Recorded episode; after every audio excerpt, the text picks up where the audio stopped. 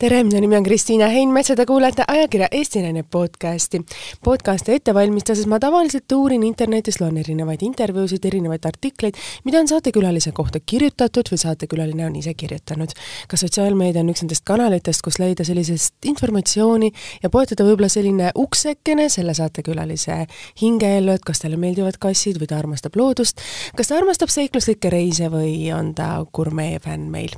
et selles mõttes selliseid väikseid detaile et seda podcasti ette valmistada, et tuua teieni ikka, kallid saatekülalised, midagi uut ja huvitavat. aga ka aeg-ajalt on olnud selliseid hetki, kus me saame saatekülalisega ennem kokku eelnevalt, me arutame mõningad teemad läbi, et mida või kuidas võiks rääkida, ja tihti need venivad väga pikaldaseks ja väga selliseks nagu intiimseteks naistevahelisteks vestlusteks, kuigi tihti on need, see vestlused toimuvad hetkedel, kui ma näen seda inimest esimest korda, ja täna ongi siin stuudios siis üks naine, kellega me oleme aeg-ajalt põgusalt kohtunud, just tema armastatud sünnilinnas Pärnus ja see on see linn, kus siis mina armastan alati veeta suvesid koos oma lastega ja ka ise lapsepõlves olen seal seda, need veetnud. et me oleme põgusalt nagu, kuidas öelda, tere öelnud ja põgusalt vestelnud, aga eile õhtul me saime kokku selliselt väga sellisel intiimsel õhkkonnal ja äh, me vestlesime ligi kaks tundi, tass kohvi, tass kakaod ja ma arvan, ma oleks veel vestelnud veel kaks tundi ja siis veel kaks tundi ja võib-olla veel kaks tundi, sest neid teemasid, mis meid paelusid ja mida me naistena tundsime, mis me oleme läbi elanud, oli väga palju. et mõnes mõttes selline hall teatud selline kurbus, mis tihtipeale meie vestlustes läbi käis, oli meie silmades, me tunnetasime ära võib-olla neid hetki,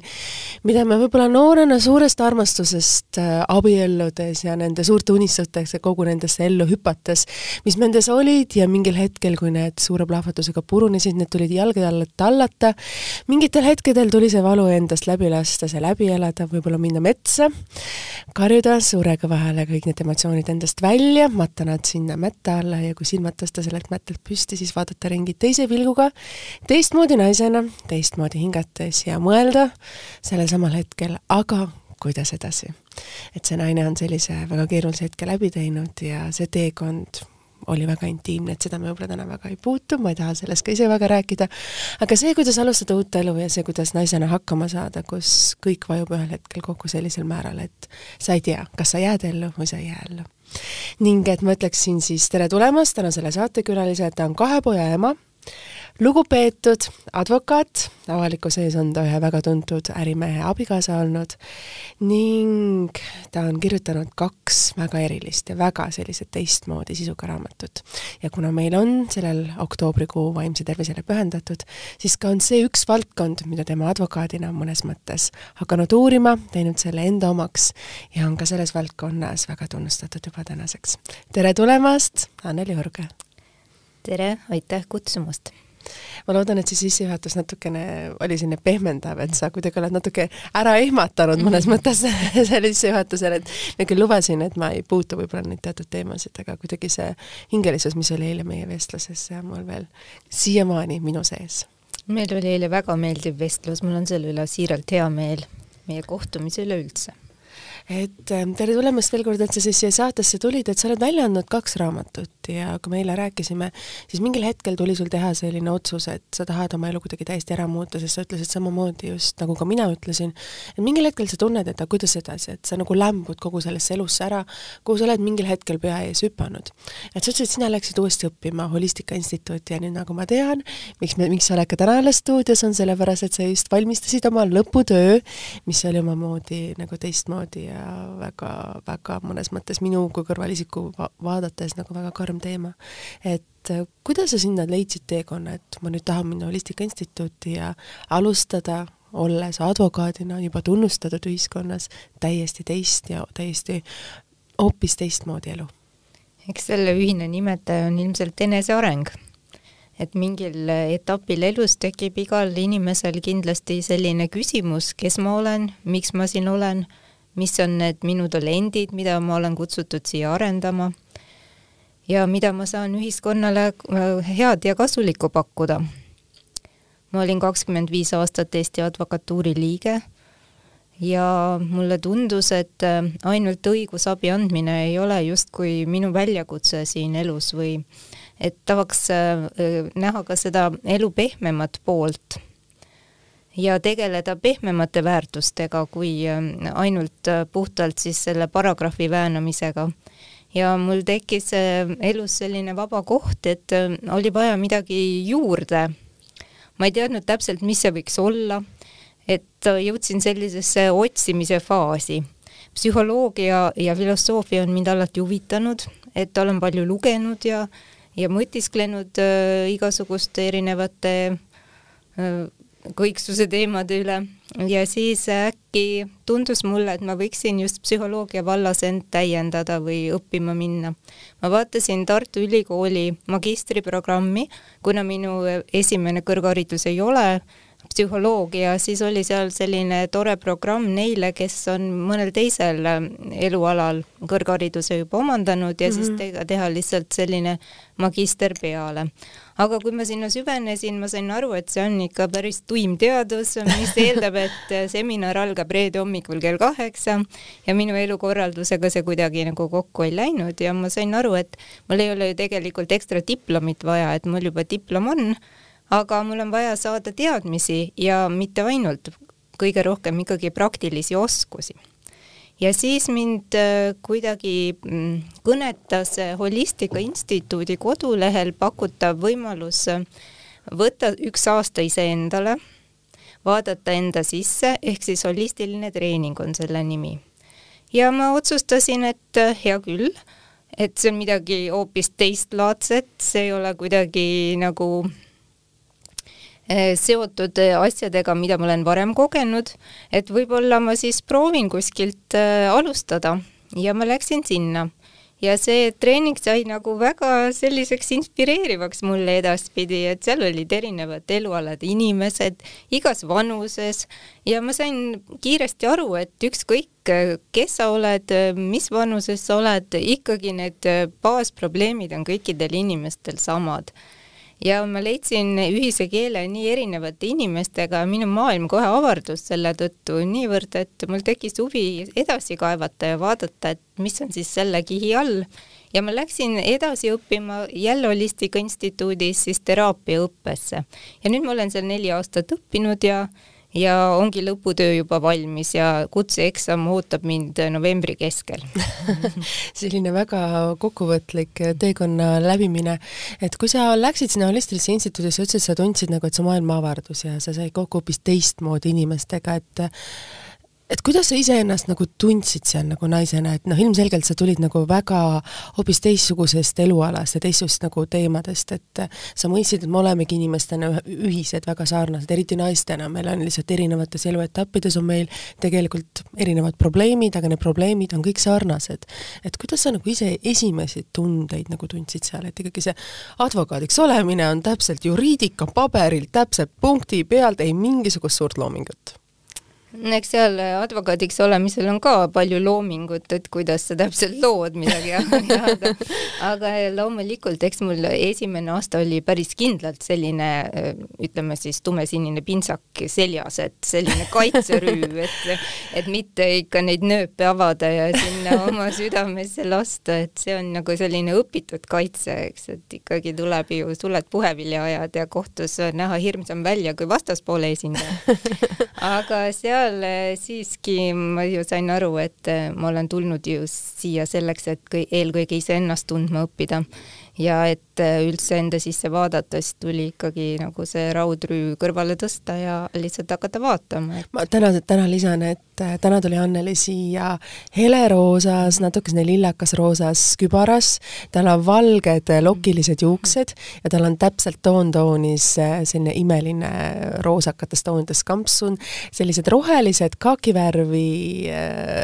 püksid ja kontsad, nii et see pintsak on väga kaugele tänasest riietusest jäänud ikka. no aitäh, et sa märkasid, eks ma pean ka arenema et tegelikult on nii, et me tuleme ju,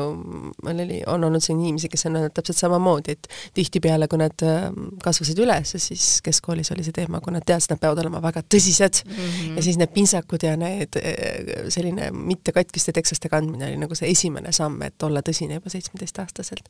aga kui sa olid seal holistilises instituudis sa mõistsid, et see raudtrüü tuleb kõrvale heita, et kuidas on nagu see usalduse tekkimine seal, et sa usaldad iseennast ja sa usaldad inimesi, kes su ümber on, et advokaadina kindlasti oli see väga raske, et usaldada teisi? Jah, usalduse teema, ma arvan, see ei ole ainult minu teema, see on ikkagi väga paljude inimeste teema, ma ei usu, et oleks kedagi, kes äh, päriselt äh, usaldakski elu, et me võime öelda, et jaa, seal holistikas samamoodi, et usaldame muudkui elu ja oleme avatud, et mis meile nagu ellu tuleb, selle võtame tänulikult vastu. et noh, seda on kerge öelda, aga kui on ikkagi kriisiolukorrad elus, siis tekib ju küsimus, kui palju ikkagi me julgeme usaldada. enamasti ju inimesed toetuvad oma eelmise elu kogemustele mm -hmm. ja nad äh, väärtustavad seda, et jaa, et ma seda olen juba kogenud, et mul on see teadmine, et ma usaldan seda teadmist, et ma pigem ei usalda seda teadmatust, mis tuleb selle kogemusega, mis on minu ees praegu kui lihtne või kerge sinul oli siis nagu jõuda sinnani, et jah, ma usaldan elu, jah, ma vaatan avatult seda asja ja jah, ma tahan õppida seda psühholoogiat, mis tegelikult on ju teiste inimeste usalduse võitmine ja teiste inimeste hinge, kuidas öelda siis, oma näpukese poetamine, et aru saada, mis nendes toimub? ma arvan, et see, see kõik, et üldse teise inimese usaldust võita algab niisugusest minu, minu jaoks aukartusest elu ja teise inimese hinge ees. et ma ei ole enesekeskne ega, ega siis liigselt enesekindel, kui ma kohtun teise inimesega, et iga inimene on väga eriline ja ma austan kõiki, kõiki inimesi ja nende erilisust ja seetõttu ma ei anna hinnanguid ma ei tea, mis teekonna see inimene on läbinud, mis raskuseid, raskuseid on tema pidanud seljatama, et jõuda sellesse punkti, kus me kohtume. et just selline mm, alandlikkus, ma arvan, et kui ma suudan olla alandlik, siis on suurem võimalus, et inimene tõesti usaldab mind see on väga ilusasti öeldud tegelikult, et alandlikkus, et ähm, sellist tänulikkust elu, e-, elu ees olemiseks meid tegelikult ju lastena ei õpetatud, et olla tänulik kas või see, et tal on ilus ilm või olla tänulik selliste pisikeste asjade eest, et selle me kuidagi unustame suures kasvades ära, et, et aga see ongi tegelikult see, mis meid ju elus nagu edasi aitab, edasi määratleb, et kui me oskame tänulik olla väikeste asjade eest, siis on ka suured asjad meie jaoks ju hoopis teise väärtusega ma arvan ka, et tänulikkus on üks väga kiiduväärt äh, omadus, kui inimene oskab olla tänulik ja näha, mida head on tema elus, siis ta tegelikult mõistab, et, et ei olegi põhjust olla masenduses ega kuri ega vihane,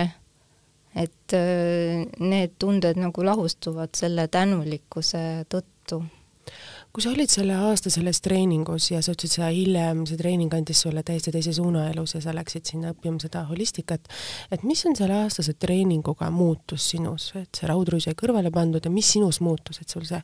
valdkond tundus sellise nii huvitavana, et sa seda edasi õppisid? Ma arvan, et see inimhing on iseenesest niivõrd huvitav äh, uurimisobjekt, et ma lihtsalt hakkasin vaatama, et äh, kui erinevad on inimesed ja mul tekkis siiras huvi, et mis kedagi tiksuma paneb, et mis on selle kesta all, et mis elu, mis tundega inimesed elavad. et see oli nagu väga huvitav minu jaoks. mida sa oled avastanud, mis on need tunded, mida inimesed peidavad? No oi, neid tundeid on väga palju mis on see põhiline, mida kõige rohkem tahetakse peita ja mida kardetakse teistele näidata? no praegu, kuna me räägime siin oktoobrikuul, mis on ka vaimse tervise mm -hmm. kuu, siis äh, üks peateemadest on ilmselt üksildus. et väga paljud inimesed tunnevad ennast väga üksildasena ja see koroonaperiood, mis on mm -hmm. kahjuks seda süvendanud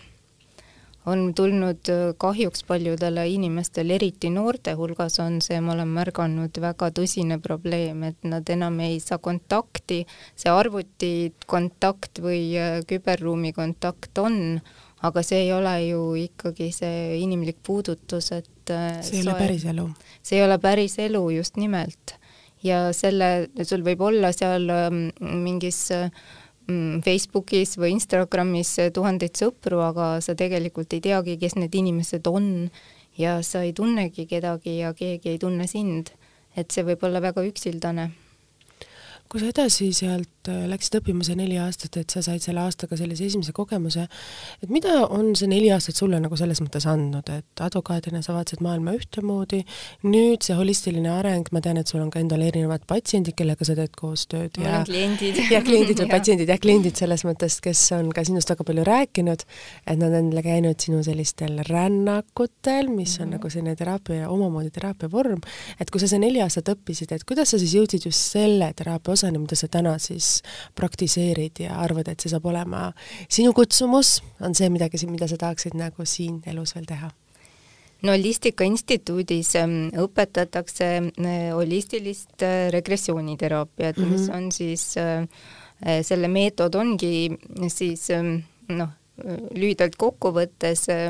minek mingisse mineviku hetke, kus siis inimese probleemid on alguse saanud, et siis teha muudatus seal, vaadata siis mm, värske pilguga need kohad üle ja vabastada need energiad, mis on siis sinna minevikku kinni jäänud, et need enam siis meie edaspidist elu ei mõjutaks kuidagi. ja selle meetodi järgi töötamine see on minu arust andnud väga selliseid silmapaistvaid tulemusi, eriti inimestega, kes ei ole isegi üldse teadlikud, et nende, nende jamad on nii-öelda peidetud lapsepõlve. ja kui nad on sellest aru saanud, siis nad on saanud selle väe, et oma praegust elu radikaalselt muuta ja, ja saada õnnelikuma, õnnelikumaks inimeseks ja see ongi kogu asja mõte, sest see teraapia on nii-öelda tervele inimesele inimesele, kes lihtsalt tahab oma elus eh, saada juurde elurõõmu, tunda end õnneliku ja tervena, see on seda liiki teraapia ja see on suurepärane, kui inimesed leiavad tee ja avavad ennast ja saavad juurde midagi, mis nende elus praegu puudu on sa räägid nagu, nagu sellisest väga, kuidas öelda, teistmoodi õnnelikuseks olemise meetodist, et mis on võib-olla selline ekstreemsem juhus või selline hetk, mis sul on olnud nagu sinu patsiendiga või siis sellises olukorras, mida sa oled näinud, et mida nagu peidetakse sealt lapsepõlvest? no kõigepealt, mis see õnnelik olemine üldse on, et eks õnn on sisemine seisund, et see on, kuidas inimene iseendaga rahul on ja muidugi kõik meie lapsepõlve kogemused on, tulevad ju meie vanematelt ja omakorda vanavanematelt. ja ilmselt ma arvan, et enamus inimesi on üritanud olla vähem või rohkem nii-öelda tublid lapsed yeah. olla täiuslikud mm, -hmm. olla kellegi silmis, et olla aktsepteeritud, olla siis eh, nii-öelda perfektne ja saavutada palju, et tema teod on justkui need, mille järgi teda väärtustatakse. ja armastatakse. ja armastatakse, väga õige. et tegelikult ju ideaalmaailmas tuleks armastada teist inimest sellepärast, et ta on selline suurepärane inimene, nii tema siis heade kui ka vähem heade omadustega, mitte niivõrd sellepärast, mida ta on elus korda saatnud. ja see teadmine tuleb kahjuks inimestele päris hilja. Nad on ikka üritanud kogu elu olla, hüpata kõrgemale, joosta kiiremini ja, ja olla äh, keegi, kes nad võib-olla ei tahagi olla, et teistele siis äh, imponeerida ja sellega siis äh, väärtustatud saada. ja siis on ka need inimesed läbi põlenud, kuna see ei ole päriselt see, mida nad on tahtnud. ja siis nad satuvad äh, varem või hiljem siis terapeudi kabinetti ja siis neid lugusid kuulates tekib nagu tunne, et keegi pole kaitstud. et ükskõik kui äh, vinge raudrüü sul on, et seal all on siiski see haavatavus ja kui inimene jõuab selleni, et ta julgeb olla haavatud ja seda ka välja näidata ja abi küsida, siis minu arvates see on üks kõige suurem julgus üldse kuidas inimesed tavaliselt jõuavad selleni, et nad põlevad läbi, nad satuvad terapeudi kabinetti, aga kas kõik inimesed suudavad ennast avada seal, kas nad jõuavad nagu selle avatuseni, sest me oleme ju nii erinevad kõik ja võib-olla see teekond meil enda sisemusse võib olla väga erinev, et terapeut võib olla, võib olla ainult üks moodus, võib-olla on ka teisi mooduseid, et kui tihti sa näed, et inimesed nagu ikkagi ei julge avada, et nad ikkagi on tulemas, nad vajavad abi, nad otsivad seda, aga nad ikkagi ei suuda kuidagi seda abi vastu võtta või seda abi küsida ma arvan, et igaühe jaoks on see õiges aeg, millal ta seda siis öö, äh, otsustab julgeda, sest öö, ähm, tihti tõesti ka minu praktikas, kuigi see pole väga pikk terapeudina, on olnud äh, seansse, kus inimene lihtsalt äh, räägib ja räägib ja räägib ja on näha, et ta nagu blokeerib ja üritab seda protsessi kontrollida ega taha end tegelikult avaldada. Ja ega siis ei olegi midagi teha, ega seda inimest ju ei saa survestada, et ta on ju ise vabalt valinud tulla, et ma olen ka nii mõelnud, et mõnikord on inimesel lihtsalt tarviski rääkida, et ta ei olegi saanud kellegiga rääkida, ta on olnud üksildane, tal on probleemid ja inimesed ei mõista teda ja see on nagu tema võimalus, et isegi see lihtne inimese ärakuulamine, see võib teinekord olla äh, päris suur abi. sa ütlesid, et inimesed on üksildased ja inimestel on nagu rääkimisvajadus. kuidas sa selle ära tunned kohe? no tihti inimene istubki minu vastu tugitooli ja, ja hakkabki rääkima ja tund aega järjest? kolm tundi järjest mm. -hmm ja siis, kui ta on nagu valinud selle, siis äh, ma saan ju aru, et äh, tegelikult ei ole ju mõtet hakata siin seda inimest kuidagi suunama, et nüüd äh, teeme seda, teist või kolmandat, et nagu justkui oma terapeudi oskuseid siis talle nagu näidata, et pigem ma lasen inimesel rääkida. kas inimene võib ennast ka lahti rääkida? muidugi, selles ongi kogu asja mõte mitu seanssi on tavaliselt olnud sinu jaoks võib-olla kõige ekstreemsem juhus, kus inimene tuleb ja ta vajab võib-olla, ma ei tea, viis, viis, viite seanssi, et rääkida ja lõpuks siis rääkida nendest asjadest, mille pärast ta võib-olla sinna tuli?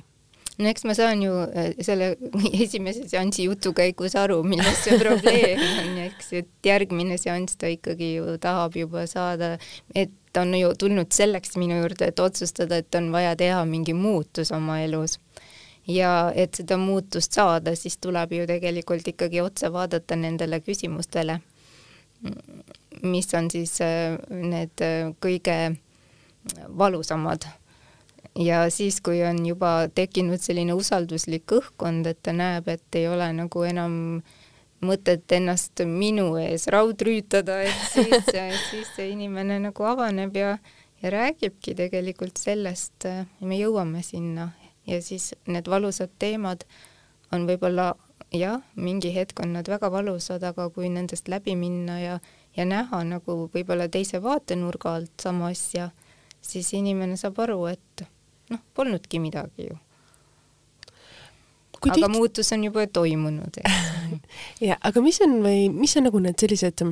sinu enda võib-olla mõned nipid, et kui me tunneme, et meil on nagu midagi, mis nagu tapab meid või selles mõttes nagu tekitab meile ängi või sellist frustratsiooni sisemiselt või, või meil on sellised ärevushäire hetked, et me nagu vihastume asjast teistega olukordades, mis tegelikult ei ole absoluutselt isegi vajalikud või absoluutselt ilma põhjuseta, et kust sellised asjad nagu tulevad, mis on nagu sinu võib-olla sellised äh, juhtnöörid või mingisugused kolm reeglit või kolm asja, kuidas nagu neid äh, hoida ohjes? no kõigepealt äh, kõik tunded on teretulnud, sest et need on ju inimese tunded olgu nad siis viha, raev või ükskõik mis tunded, et ma arvan, et selles ongi suur probleem olnud, et lapsepõlves on paljudel lastel keelatud lihtsalt olla vihane ja, ja olla laps, eks, ja oma tundeid väljendada ja siis on see eh, kihtide kaupa need tunded justkui tsementeeritud. Ja juba see, et inimene saab kontakti oma tunnetega, et ta julgeb öelda, ma olen vihane, ma olen kurb ja see on juba suur asi, et inimene hakkab märkama, et mida ta tegelikult tunneb, ma arvan, et see on juba äh, väga hea algus. mis on need esimesed märgid, mida kui patsient tuleb sinu juurde, mida sa näed, et ahaa, see võib olla nüüd see juhtum, ahaa, see võib olla see juhtum, kas sa nagu inimese olemusest juba tabad seda ära, paistab see ka inimese sisemine valu, paistab ta kuidagi väliselt välja? No kuna ka minu see mm, advokaaditöö on olnud ikkagi ju seo-, inimestega seotud, et see mm -hmm. nagu inimeste lugemine või arusaamine mm, -hmm, mis, mis neil äh, võiks mureks olla, et muidugi mul tekib oma ettekujutus, kui see inimene istub ja, ja vestluse avab, et, et kuhu see võib kõik minna, aga alati on üllatusi ja kunagi ei tea, sest et äh, ikkagi elud on olnud niivõrd erinevad ja see on see on äh, väga huvitav, et kõik ei lähe ju nii, nagu mulle tundub, et võiks minna, et ikkagi alati tuleb olla kohal, tuleb kuulata ja, ja olla väga tähelepanelik kolm tundi seanssi teha sinul kui terapeudina mm, -hmm. see on ju väga väsitav, mitu seanssi sa päevas suudad teha? no ega ma üle ühe seansi ette ei võtagi, et mul on ka ikkagi teisi tegevusi ja, ja ma olen aru saanud, et äh, ma parem alustan niimoodi mm, oma praksist nii-öelda vaikselt, et mitte läbi põleda, sest selles ametis on väga suur risk, et kui võtta suure hooga ette, siis lihtsalt terapeut põleb läbi. täna on teraapias käimine väga populaarne me vestlesime ka eile sellel teemal, et mis on nagu see õige tera-, teraapias käimine, mis ei ole nüüd õige, et see tegelikult turg on nii suur ja avatud, et kuidas teha sealt õige valik iseenda jaoks? Ega mina ei oskagi öelda, ma arvan, et äh, igale inimesele kindlasti on mingi oma lemmikteraapia meetod, mis talle kõige paremini sobib. et on inimesi, kes üldse ei taha äh, holistilisse regressiooniteraapiasse tulla, sest see eeldab ju ka, teine pool sellest teraapiast on rännak mm -hmm. ja rännak siis inimene rändab oma sisemaailmas ja terapeudi juhendusel. inimesed lihtsalt ei taha enda sisse vaadata, nad lihtsalt tahavad rääkida. võib-olla siis sobib neile hoopis mingi äh, rohkem intellektuaalne nii-öelda teraapia psühhoanalüüs või mõni teine, mis, kus nad tunnevad ennast kindlamini ja, ja neil on lihtsam ennast väljendada. ma ei oska öelda, seda lihtsalt peab proovima, et kui nagu soovi on, siis tõesti valik on väga suur ja inimene võib ju käia erinevate terapeutide juures ja ja proovida, et milline temale sobib. Ja kui ta on endale sobiva leidnud, siis äh, see on ju ka nagu tavalise arsti juures käimine põhimõtteliselt, et ikkagi tuleb ju aeg-ajalt käia ja kui on jälle midagi südamel, siis saab rääkida ja asju arutada, et see ei ole nii, et ma käin ükskord ära ja siis on mu probleemid kohe lahendatud ja kõik on nüüd edaspidi ei ole enam vaja. et see pigem võiks olla pikaajalisem protsess ja muutuda tavapäraseks see võiks nagu olla elustiili osa siiski, et eh, nii kui me käime ka hambaarsti juures, et me käime ka ikkagi teraapias ja ja hoolitseme oma hinge eest. seda on natukene võib-olla imelik mõnes mõttes kuulete, et käia teraapias ja võtta see endale elustiili osaks. sest tekib küsimus, et kust meil tegelikult see rääkimisvajadus tekib. et kas me ei saa seda piisavalt kodust, kas me ei saa piisavalt oma abikaasaga rääkida või oma partneriga või oma lastega või oma vanematega, et tegelikult kust see rääkimisvajadus meil nagu tekib? ma arvan, et me saame rääkida küll oma pereliikmetega, oma kolleegidega, aga kui objektiivselt ja äh, hinnangute vabalt see teine inimene suudab kuulata, tal on oma agenda, tal on oma probleemid ja, ja kui palju ta oskab nõu anda, mida sel hetkel on selle inimese huvides kõige parem, see on nagu, on kahtlane.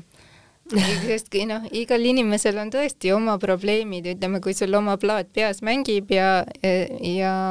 keegi tuleb ja hakkab rääkima sulle veel oma lugu siis inimesed tihti nagu teevad näo, et jaa, et ma kuulan ära selle asja ja aga kui palju ma süvenen või kui palju ma kuulan, nii et ma kuulen ka, see on see küsimus, vähemalt teraapias enamasti ju inimene tuleb ja, ja see terapeut ei hakka talle endast rääkima. no on ka kindlasti selliseid juh-, juhtumeid, aga, aga eeldatakse ju, et räägib ikkagi klient ja räägib nendest asjadest, mida ta võib-olla ei taha või ei julgegi kodus rääkida,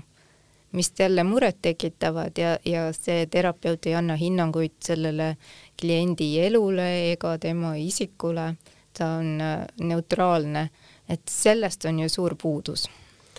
sa ütled, et on suur puudus sellistele asjadele, et kuidas siis need peresuhted üldse toimivad, kui on inimestel vajadus rääkida, nad ei räägi ja neid mõistetakse valesti, et need ju kooselud ju siis purunevad aina rohkem ja rohkem, kui ei ole sellist tegelikult mõistmist üksteise vahel? Ma arvan, et praegu ongi väga suur äh, kooselude purunemise aeg, sest see koroona on ju ka näidanud, et kui enam kaks inimest ei saa koos ühes ruumis kakskümmend neli seitse olla, sest kummalgi pole ju tööle mõtet minna, et äh, ongi kodus olemise aeg olnud, et siis inimesed on äkki märganud, et oi, et ma ei tunnegi seda inimest, kellega ma olen võib-olla kakskümmend aastat siin abielus olnud ja ta on võõras. ja et ma olen ju käinud hommikust õhtuni tööl ja, ja olen temaga hea küll kokku saanud, võib-olla seal peale tööd mõni tund, aga aga siis me ei ole ju asjadest rääkinud või oleme lahendanud need kiired olmeteemad ära, aga nüüd peaksime nagu rääkima ka oma tunnetest ja oma meeleseisundist ja ja avaldama talle võib-olla midagi intiimset ja siis tekib see blokeering, et võib-olla et kuidas sellest, usaldagi teda. kuidas sellest blokeeringust üle saada paari suhtes? On selleks mingisugune nipp või on selles mingisugune retsept sulle, sest ma arvan, et täna võib-olla kindlasti need paljud kuulajad, kes seda saadet kuulavad, mõistavad, et seda plokki ju ja blokeeringut on suhetes päris palju. Ja võib-olla teinekord on palju teemasid, millest nagu ei taheta rääkida ja need tegelikult üritatakse vältida, kuni lõpuks on need juba paisunud nii suureks, et nad juba plahvatavad. et mis on võib-olla sinu nipp, et kui on teemad, mis vajavad rääkimist, et kuidas alustada nende rääkimist, kui nad võivad olla ka valusad ma arvan, et kõigepealt tuleks ise aus olla ja olla julge ja rääkida ausalt, kuidas inimene ennast tunneb, et, et mis talle muret tekitab. et see on esimene samm, et olla aus.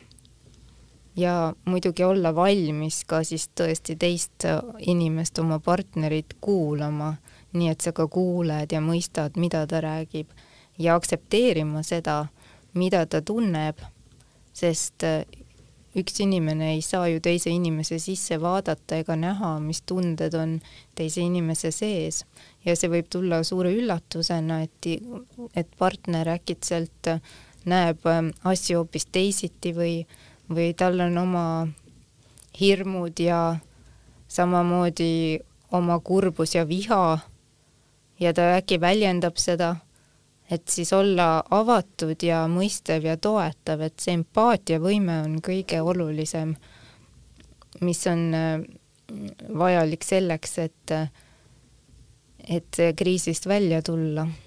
Kui palju seda empaatiavõimet meis on olemas, et meil on ju ka väga erinevad inimtüübid, et osade jaoks on see nagu selline olematu nähtus või on seda võimalik õppida? ma arvan, et seda õpetab elu ise vähemalt et kui ka inimene on, ütleme, kõrg ja enesekeskne, siis elu varem või hiljem surub äh, sellise inimese põlvili ja näitab, et tuleb olla siiski aukartlik elu ees ja, ja tänulik kas sa oled ise ka näinud selliseid inimesi, kes jõuavad teraapiasse sinu juurde, kes on siis mõnes mõttes jõudnud juba sinna põlvili ja on nad aetud, et nad mõt-, küsivadki sinu käest, aga kuidas ma nüüd edasi saan, et tegelikult kõik see, mida ma arvasin, et see on minu suur ego ja minu, kuidas öelda, tähtsad asjad ja ma olen nii suur ja tähtis ja mingil hetkel elu, elu siis, nagu sa just õigesti mhm. mainisid, tõmbab sind lihtsalt põlvili, kuna see kõik hetkel kaob ära, mis oligi kogu su elu ja nii võib juhtuda, näiteks inimesel võib ju tekkida terviserike, mida ja. ta ei ole üldse osanud oodata, eks ole, või siis on äh, näiteks vallandamine töölt äh, täiesti out of blue, et ei ole nagu olnud äh, sellist eelaimdustki, et võidaks nagu töösuhted lõpetada. või võib ka olla nii, et mõni lähedane, lähedane inimene kaob teise inimese elust ja see tekitab niisuguse peataoleku, et kuidas nüüd edasi mis on sinu võib-olla soovitus, et kuidas siis edasi? kui meil on raskeid hetki, et siis olla aus, ausalt rääkida ja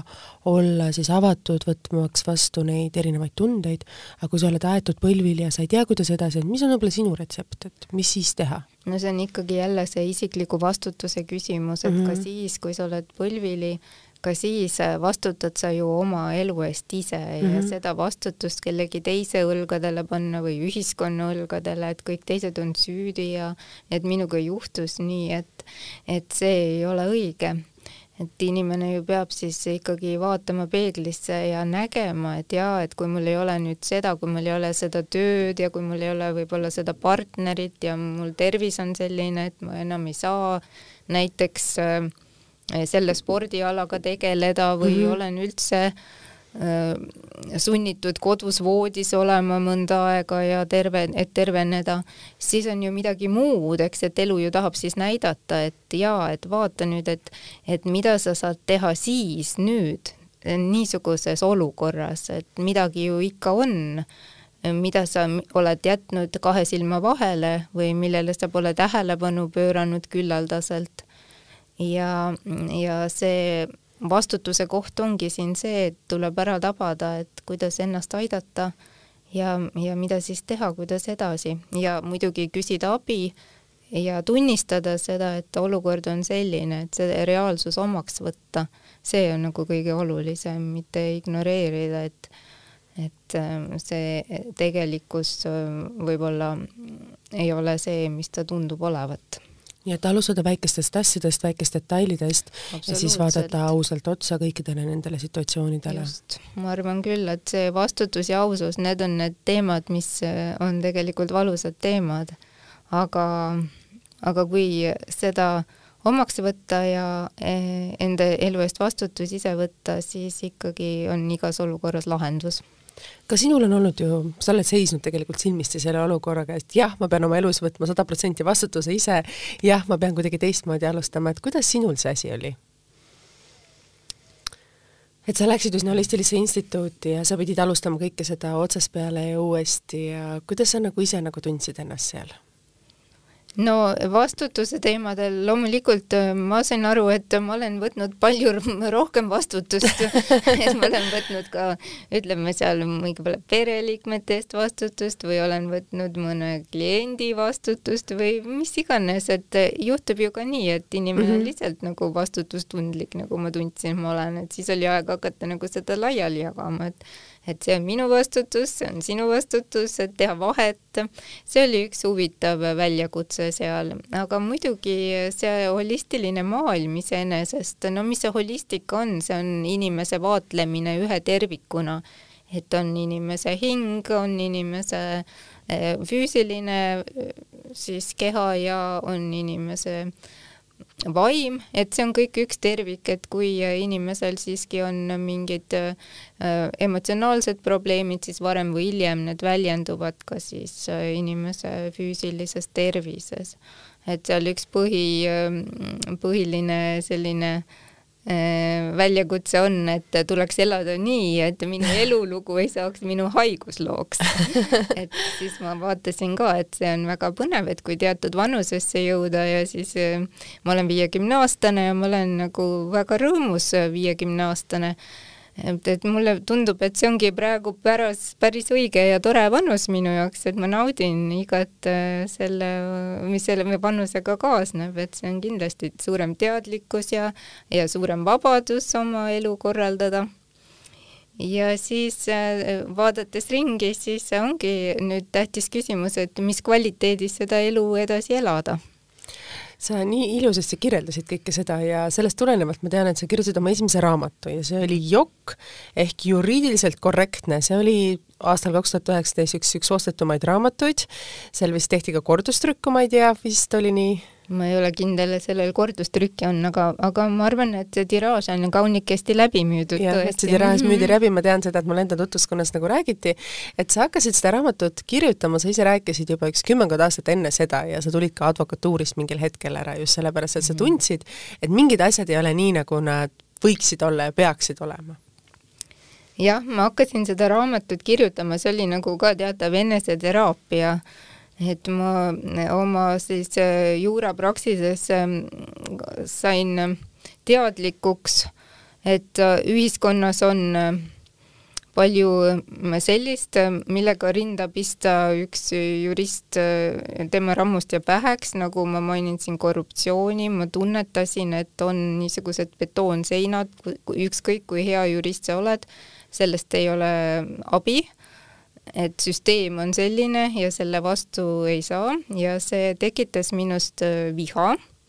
ja sellist jõuetut viha, et justkui äh, ma võin ju joosta peaga vastu betoonseina üks või kaks või kolm korda, aga ega sein sellest ei purune, minu pea läheb katki. ja siis ma küsisin endalt, et äh, kuidas ma saan midagi muuta või mida mina saan teha, kas ma üldse saan midagi teha? Ja siis mulle pahvatas, et aha, et ma ju saan ikka midagi teha, et ma panen kirja, et ma kirjutan ühe raamatu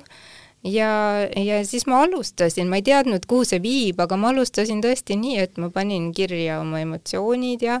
panin kirja mm, oma mõtted ja siis äh, hakkasidki nagu sellest välja vormuma tegelaskujud ja süžeeliinid ja ütleme, asi läks mu enda jaoks põnevaks ja ja siis ma seda niimoodi kirjutasin. ja lõpuks äh, panin ta siis äh, marineerima mitmeks aastaks sahtlisse. Marineerimine on väga hea sõna. Just, ta marineeris päris kaua ja siis, kui ma ta hiljem jälle välja võtsin ja leidsin, siis ma sain aru, et maailm on nii palju muutunud, ühiskond on nii palju muutunud. Ja äh, nägin, et oo, et aga mingi äh, kondikava on ju valmis, et võib seal veidikene teha asju ümber ja tänapäevastada ja ikkagi teha sellest ühe põnevusloo, sest mul mulle endale tohutult meeldivad igasugused niisugused ähm, kriminullid ja, ja sellised äh, äh, põnevusromaanid ja ma arvan, et tegelikult selles masendavas koroonaperioodis ka inimesed lihtsalt vajavad sellist mhm. põnevat meelelahutust ja miks mitte neile seda pakkuda. ja sellepärast ka ma kirjutasin et ma olen juba lapsest saadik tegelikult tahtnud äh, näitekirjanikuks saada, aga aga kuidagi nagu elu läks teisiti ja ma ei teinud selleks kuigi palju, et õppida sellist äh, kirjutamist või näidendi kirjutamist. kas ei ole huvitav tegelikult, et meil on lapsena unistused ja mingil hetkel elu jooksul me näeme, et isegi kui me ei ole valinud neid, need tulevad sinu juurde tagasi ja need kuidagi sa saad ikkagi seda teha, millest sa kunagi unistasid, aga olenemata nendest põhjustest, sa tegid teised valikud. täpselt nii ongi, aga ma ei kahetse mitte midagi, sest et ka see, ütleme, juurakool ja see töö advokaadina, see pigem rikastas minu maailma ja, ja muutis mind võib-olla äh, andis rohkem kogemusi, mida siis äh, kirja panna, sest et pole ju mõtet hakata kirjutama, kui sul ei ole mingeid kogemusi ega sa ei ole veel eriti midagi läbi teinud ega elanud, et et noh, keda see jutt siis huvitab, huvitab ikka selline kogemusepõhine lugu. me rääkisime ka eile hästi palju sellest teemadest, et sa oled olnud advokaadina kaitsnud ka naisi seal erinevate siis protsesside juures, et sa oled mõistnud, et ka tihti on need erinevad seadusandlus või need punktid, mis on nagu, üks asi on õiglus ja teine on nagu õigus, et need on nagu vas-, Eestis nagu väga tihti, kui sa oled vastuolus nende teatud detailidega no õiglus ja õigus ongi kaks väga erinevat kategooriat, et seaduses ju põhimõtteliselt on kõik neutraalselt äh, korrektne, korrektne ja et ei ole ju seadus kellegi kasuks või kellegi kahjuks, aga aga elulised olukorrad tihti on ju sellised, et kellel on ikka rohkem väge, see võib seda õigust nii-öelda oma poole kallutada. et lihtsalt kasvõi see ähm, ressurss, mida paigutada kohtuprotsessi, et mõnel inimesel on see võimekus suurem, mõnel pole seda üldse ja, ja, ja siis need lahendid ka tulevad sellised, et see on nagu kurb küll. aga ma enam ei ole väga kaua kohtus käinud, ma olen lihtsalt nõustanud inimesi ja mhm, pigem mm -hmm. olen soovitanud, et kui vähegi võimalik on, siis ikkagi sinna kohtu äh, koridoridesse minemisest hoiduda, et äh, asjad ikkagi kokkuleppeliselt lahendada, et see nagu minu arust see inimese väärikustunne on väga oluline, et see võimaldab ikkagi ju Äh, leida see lahendus ja eluga edasi minna kiiremini ja isegi õigemini, kui, kui siis äh, aastaid seal äh, toota neid negatiivseid emotsioone ja, ja frustratsiooni ja siis isegi kui see lahend tuleb selline, nagu on oodatud, siis ikkagi võib juhtuda, et kolme näiteks aasta, viimase aasta jooksul on juba elu hoopis muutunud ja, ja sellest ei olegi enam mingit rõõmu aeg on see, mida me ei saa kunagi tagasi, aeg on see, mida me ei saa juurde osta. nii see on. Sa rääkisid ka ise seda, kui me eile vestlesime sel teemal, et ähm, teinekord me tahame mingisuguseid asju ja me arvame, et see on õiglane. aga siis, kui see asi meil tegelikult oleks olemas, et siis sa ütlesid eile väga ilusti, et et sa tahad mingit asja saada, aga mingil hetkel, kui see on sinul olemas, sa mõtled, aga kas see ongi päriselt see, mida sa tahad? et kuidas sa nagu selliselt oled inimestele, nagu nõustad inimesi just ka juriidiliselt? No ma ise tegelikult sügavalt usun, et ähm, inimene on küll võimas, aga inimese kohal on veel üks suurem äh, vägi, et ükskõik, kuidas me seda siis nimetame, kas jumal või absoluut või kõrgem jõud. või karma. noh, et igal juhul ma arvan, et äh, me saame seda, mida meil on tegelikult vaja, mitte niivõrd väga seda, mida me tahame sel hetkel et kui pärast vaadata mõnele asjale elus tagasi ja mõelda, et oo, et see näiteks viis või kümme aastat tagasi mm -hmm. ma mhm. tahtsin niivõrd seda, seda, seda, seda ja näed, ma ei saanud, et ma sain hoopis seda, seda ja siis näeb inimene, et tegelikult see oligi väga hea, et ta ei saanud neid asju, mida ta siis tahtis, sest et kuhu see eluke siis oleks tüürinud et tuleb lihtsalt usaldada, et see kõik, mida meil tegelikult vaja on, see on meil igas hetkes olemas see on ju päris keeruline sellise asjaga nagu leppida, sest me oleme ikkagi ju suunatud selliste ambitsioonikusele ja sellise ikkagi nagu edukusele, et sellise asja äratundmine ei ole nagu ju nii lihtne, et kui sa vaatad oma nende klientide või patsientide või mm, -hmm. või siis pealt, et kuidas nemad selle teekonnani jõuavad, et nad ju tihti tulevad sinu juurde, kui nendel see ambitsioonikus on ikka väga kõrge veel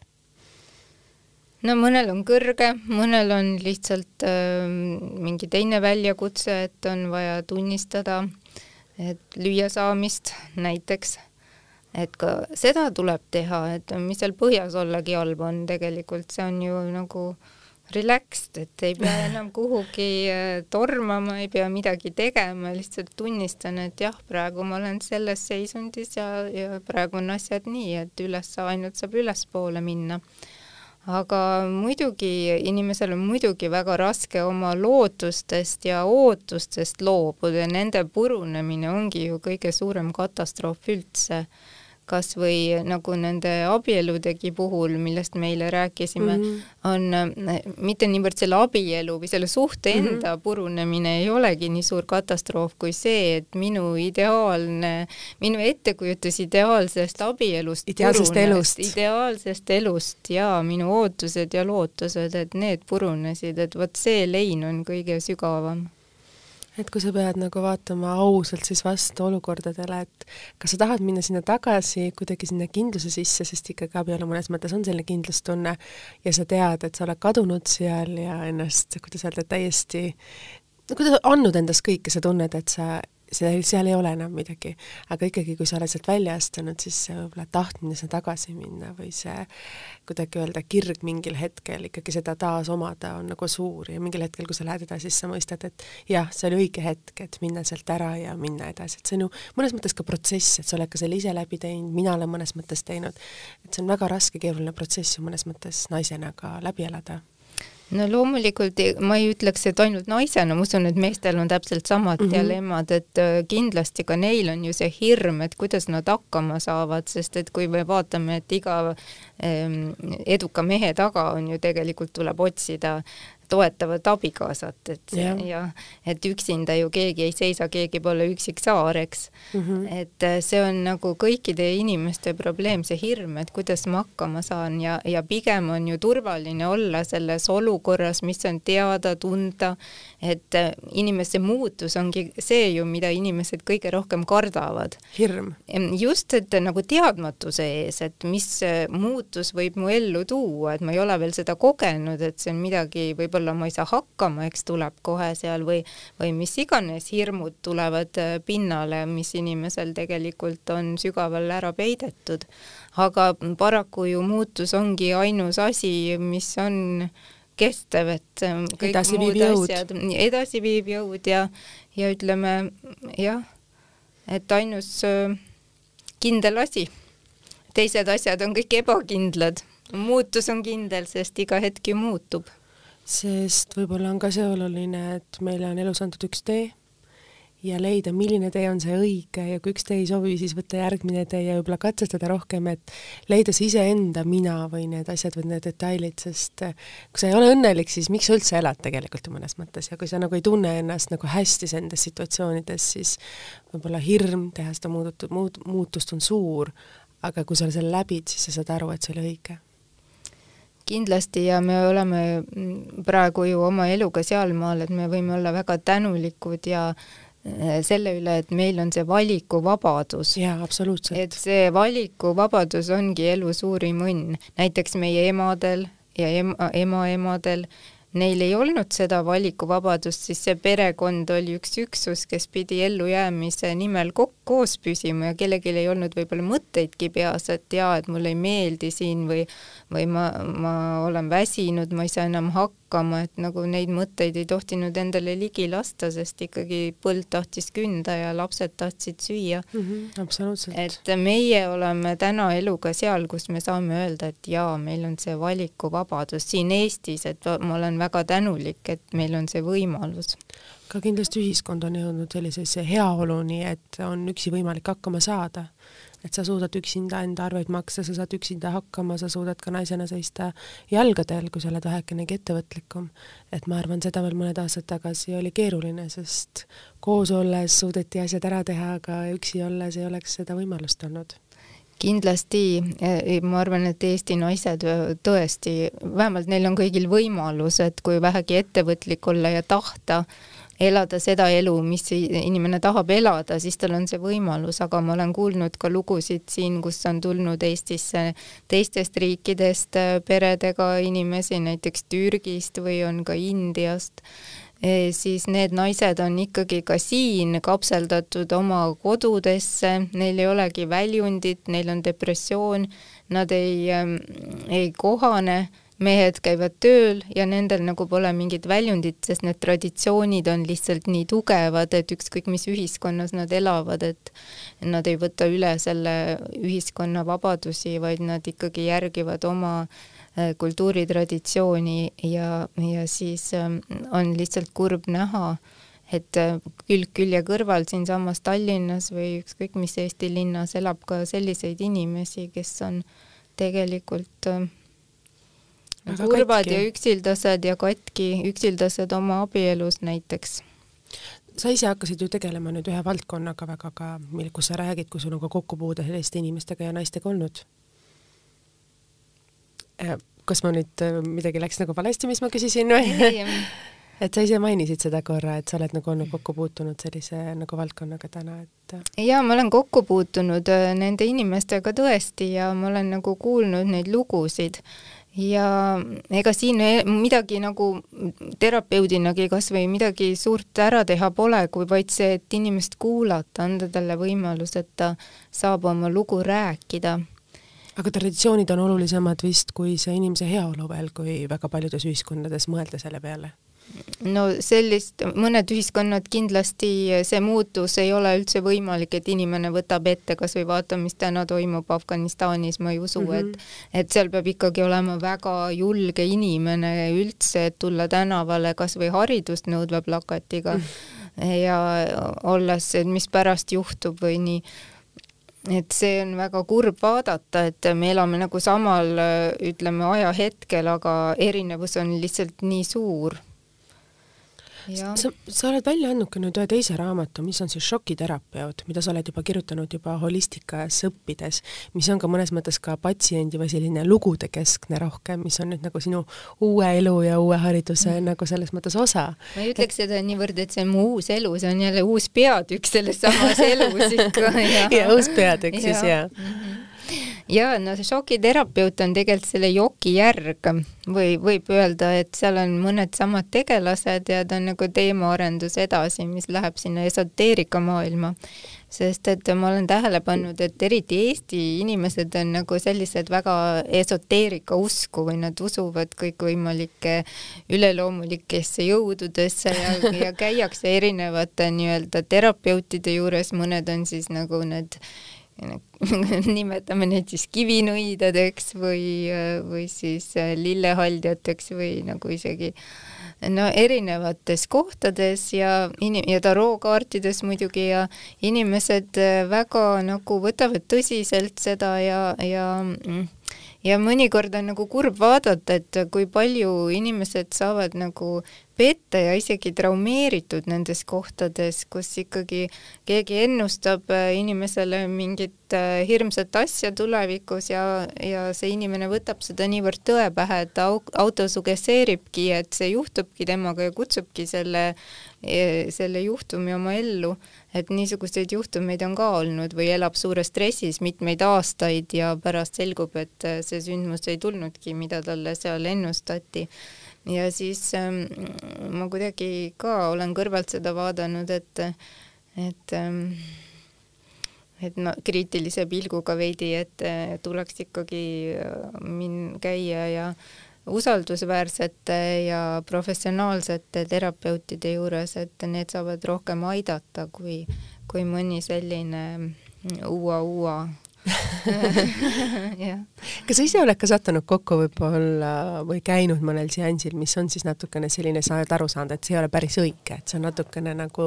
vale, et kas oma professionaali, professiooni õppides sa seda ka tegid ka katsetusi erinevate võib-olla valdkondadega võib-olla, mis ei ole nagu nii sellised äh, teadmistepõhised, mis ongi võib-olla need kivinõida, kivinõiad või kivikeste, kuidas öelda siis nende pealt ennustajad või kuidas siis, ma ei taha kedagi nagu solvata. ei, ma ka ei aga... taha kedagi solvata, kindlasti on ju ka inimesi, inimesi, kes ongi, ma ei, ma ei ütle, et äh, muidugi on äh, inimesi, kellel on need ülitajud väga hästi arenenud ja nad suudavadki äh, näha asju, mida teine inimene üldse ei näe, aga on ju ka noh, selle pinnalt on võimalus ka nendel, kes on nii-öelda petised, et sellest on nagu kurb, et kes lihtsalt raha ära võtavad ja ajavad inimese segadusse. ei, ma olen ennast nagu suhteliselt kõrvale hoidnud, sellepärast et mm -hmm. ma nagu ei soovi, et keegi mulle hakkaks ennustama midagi, et ma pigem usaldan, et need sündmused ja olukorrad, mida mul on vaja, mis on mulle ette nähtud, et need mulle ka tulevad, et ma ei, ma ei soovi, et et keegi seda tuleks mulle ütlema ma küsiks võib-olla nii, et kuhu nüüd edasi, et lõputöö on tehtud, üks eksam on veel jäänud, kaks raamatut on välja antud, et kuhu nüüd edasi, et kuhu su enda teekond sind viib, et mis sa tunned, et mis, mis poole sind naisena tõmbab praegu kõige rohkem või inimesena? Mul on väga hea meel öelda, et ma olen nagu avatud kõigile erinevatele valdkondadele, et mul on praegu toredad kaks tööriistakasti, kui nii võib öelda, et nagu see, ütleme, juurateadmised ja mul on nüüd uus tööriistakast, need psühholoogi omad ja üldiselt ka minu kliendid ongi enamasti inimesed, kellel on mõlemat valdkonda nõustamist vaja ja nendega töötamine on mulle nagu suur väljakutse ja mul ongi plaanis, et vaikselt äh, siis äh, oma mm, tore niisugune juurateraapia praksis sisse seada. ja loomulikult kirjutamisega jätkata näiteks ähm, novembrikuus on äh, mul üks kutse loovkirjutamiskursusele, mida juhendab Tiit Aleksejev, kes on äh, Eesti Kirjanike Liidu esimees. Ja, ja ma ootan nagu suure huviga, kuna ma ei ole sellisel kursusel Eestis osalenud, ma olen nii-öelda kirjutamise osas selline self-made woman, siis äh, miks mitte ennast ka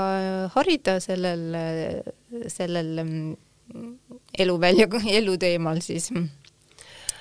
Sa mainisid nii ilusti, et sa tahad veel edasi areneda ja veel asju nagu teha, et mis on see, mida sina ütleksid meie saate kuulajatele, sest me paljud naistena, miks me just podcast'e kuulame, on see, et saada inspiratsiooni, saada energiat ja saada võib-olla natukene midagi sellist,